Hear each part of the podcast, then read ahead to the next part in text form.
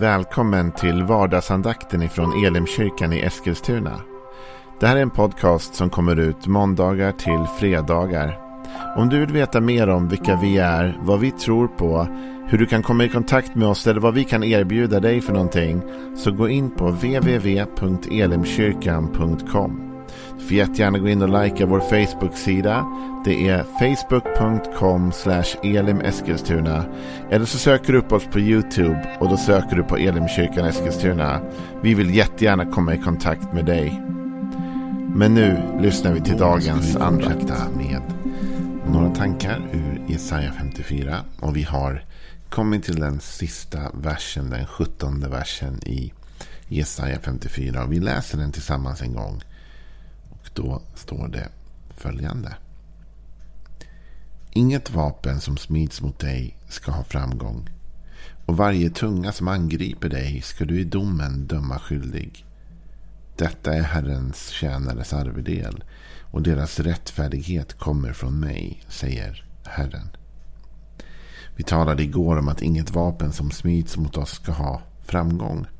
Och idag vill jag tala om att varje tunga som angriper dig och mig ska vi i domen döma skyldig.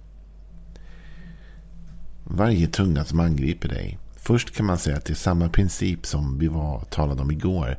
Att inget vapen som smids mot oss. Det innebär att det finns vapen som smids mot oss. Det är bara det att de inte ska ha framgång. Och då kan man konstatera idag att varje tunga som angriper dig innebär att folk kommer att anklaga oss.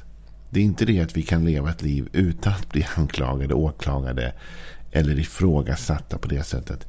Det är bara det att ingen tunga som angriper oss ska ha framgång utan ska i domen dömas skyldig.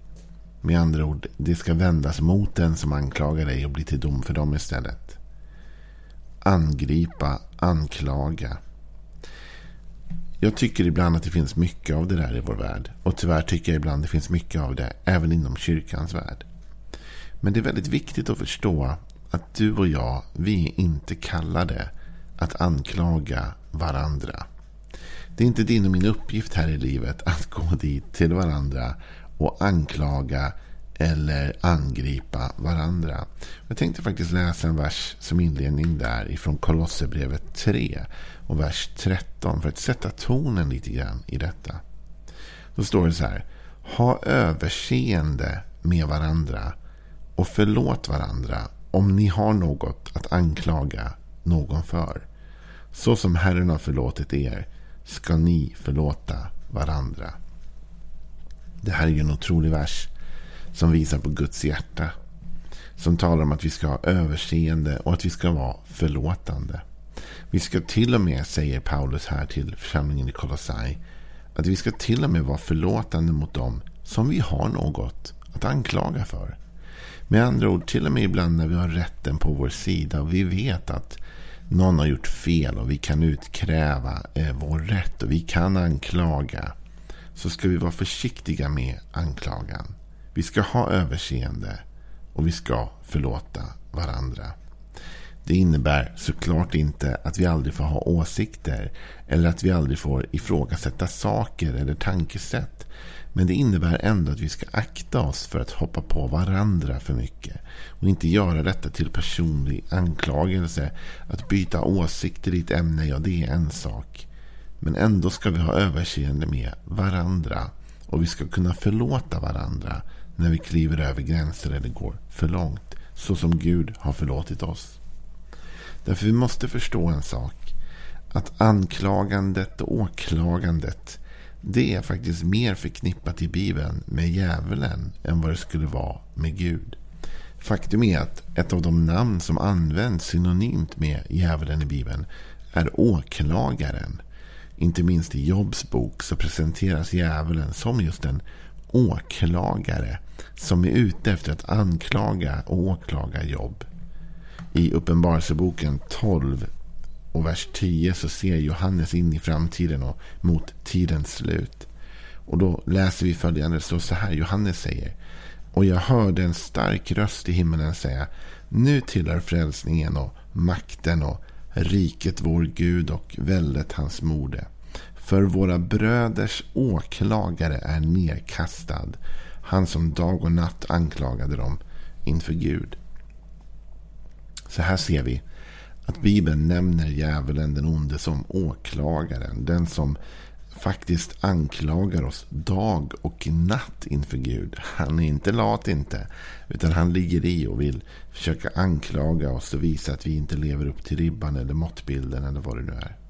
Problemet är att när du och jag börjar anklaga varandra och åklaga varandra på det sättet. Att vi liksom försöker sätta dit varandra på något sätt. Va? Så blir vi liksom ofrivilligt eller frivilligt den ondes verktyg. Va? Därför det är han som är åklagaren. Gud är inte ute efter att döma dig och mig. Gud är ute efter att hjälpa oss. Gud är ute efter att befria oss.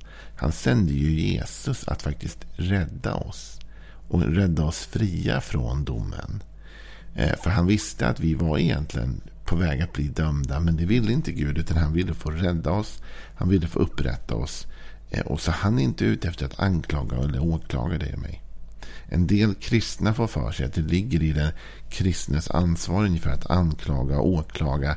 Att se till att hålla folk liksom skyldiga och, och att de lever upp till någon viss ribba. Va? Men i Bibeln står det inte att Gud anklagar oss. Utan det står att djävulen anklagar och han gör det dag och natt. Han är ihärdig i detta. Men vi får akta oss så att vi inte landar där. Och då säger någon, men hur ska jag veta, Joel, vad som är skillnaden mellan att typ vädra en åsikt eller att åklaga någon, anklaga någon? Jag tror du vet skillnaden. Skillnaden är när vi blir för privata, personliga. När inte vår liksom, synpunkt längre bara rör ett ämne utan nu har det börjat röra en person. Nu blir vi kritiska mot en särskild person. Så länge du och jag debatterar, diskuterar, delar åsikter så är det en sak. För åsikter kan man bryta och åsikter kan man bända i och tycka olika. Och man får argumentera för sin sak och rösta i olika situationer. Men vi ska inte börja anklaga varandra. Utan varandra ska vi ha överseende med. Du ser djävulen. Det han gör är att anklaga oss. Hela tiden försöka fälla oss som människor. Inte bara en åsikt eller synpunkt eller en värdering. Utan han är ute efter oss. Och det är alltid fara när vi börjar döma. Faktum är att det är väldigt svårt för dig och mig att döma. Därför det finns bara en rättfärdig domare. Och det är Gud. Det är bara Gud som egentligen ser allt och vet allt. Och känner allt och på ett rättfärdigt sätt kan bedöma en situation eller en person. Men Gud är inte ute efter att döma oss. Sen står det i Romarbrevet 8, vers 31. Vi läste det här igår, men vi läser inte lika mycket idag. Vad ska vi nu säga om detta? Om Gud är för oss, vem kan då vara emot oss? Han som inte skonade sin egen son, utan utlämnade honom för oss alla. Hur skulle han kunna annat än att också skänka oss allt med honom? Lyssna nu. Vem kan anklaga Guds utvalda? Gud är den som friköper, frikänner. Gud är den som frikänner. Vem är det som fördömer? Kristus Jesus är den som har dött. Ja, än mer den som har blivit uppväckt och som sitter på Guds högra sida och vädjar för oss. Vem kan anklaga Guds utvalda, säger Paulus. Vem har rätten att döma Guds folk? Gud är ju den som frikänner, säger Paulus. Gud är inte den som dömer sitt folk, jagar sitt folk. Gud är den som friköper sitt folk, frikänner sitt folk. Vem är det som kan fördöma? Kristus är ju den som har dött. Och här menar Paulus, Kristus är ju den som har betalt priset. Om nu priset är betalt, hur kan vi då döma? Vi kan inte döma den som lever i Jesus. Det är klart vi kan döma världen, vi kan döma det som händer, vi kan döma det vi ser runt omkring oss. Men den människa som har tagit emot Jesus Kristus som sin räddare och som sin frälsare, den personen kan inte vi döma. För Kristus har redan betalt priset för den personens fel och brister. Så du och jag har ingen rätt att anklaga eller åklaga den, för priset är betalt. Jesus har redan dött för den personen och visat att han tog straffet. Och det är då vi landar i den fantastiska versen Romarbrevet 8 och 1 som säger så här. Nu blir det alltså ingen fällande dom för de som tillhör Kristus Jesus. Ty den andliga lag som gäller för livet i Kristus Jesus har gjort mig fri från syndens och dödens lag. Nu är vi tillbaka tycker jag i nästan en perfekt symbios här med Jesaja 54. Där det stod att, att ingen, står det, eller varje tunga och varje tunga som angriper dig, eller åklagar dig eller anklagar dig, alltså varje tunga som angriper dig, ska du i domen döma skyldig. Och här säger Paulus i Romarbrevet 8.1 att nu blir det alltså ingen fällande dom för den som är i Kristus Jesus eller tillhör Kristus Jesus. Så vi blir inte dömda va? När vi har valt att sätta vår tillhörighet i Jesus då blir vi fria i honom. Och den sonen gör fri är verkligen fri. Och det är inte det att Gud sopar under mattan allt som är fel. Det är inte det att Gud blundar för våra misstag, dina och mina. Det är bara det att Jesus har betalt för detta. Och om Jesus redan har betalt priset för din synd. Alltså Jesus har redan tagit straffet för ditt misstag och mitt misstag. Då kan ju inte vi dömas för det nu. Utan Kristus har blivit dömd i vårt ställe och tagit priset, tagit straffet. Och Det innebär att du och jag, vi går fria. Det går inte att anklaga oss och fälla oss i en domstol. Därför att Kristus har friköpt oss genom att betala priset för vår synd och vår skuld. Så du och jag är på ett sätt immuna mot denna anklagelse som kommer från den onde.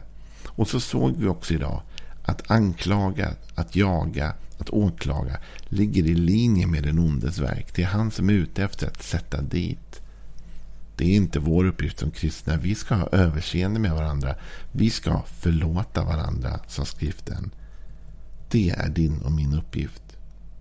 Så vet du, då vill jag säga detta som liksom, poäng idag. Då.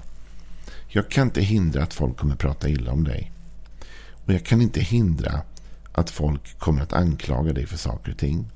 Jag kan inte stoppa att människor kommer försöka med sitt tal att snärja dig. För det kommer de att göra. För Bibeln talar om att de kommer att göra det.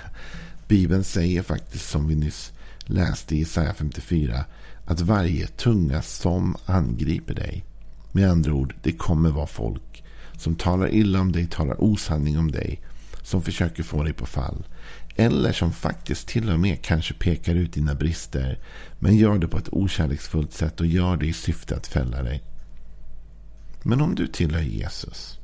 Om du har gett ditt liv till honom och bett om förlåtelse för dina synder. Då går du inte under domen längre. Gud kommer inte hålla dig skyldig. Därför Kristus har betalt priset för din och min synd. Och Det innebär att du och jag, vi går fria. Så varje tunga som reser sig mot dig och mig kommer att falla på eget grepp. Därför Gud kommer säga nej. Joel är fri från syndens och dödens lag. Han är inte okej okay att anklaga på det här sättet. Därför att jag har betalt priset för honom. Den här saken är redan avgjord i en domstol. Och Jesus tog hans straff. Tog hans pris. Så det innebär att du och jag, vi går fria. Är inte det en fantastisk vers att börja dagen med? Att tänka på att den sonen gör fri är verkligen fri. Och för att för den som är i Kristus blir det nu ingen fällande dom. Och som Jesaja sa. Att varje tunga som angriper dig och angriper mig kommer vi i domen att döma skyldig. Ha en riktigt välsignad dag.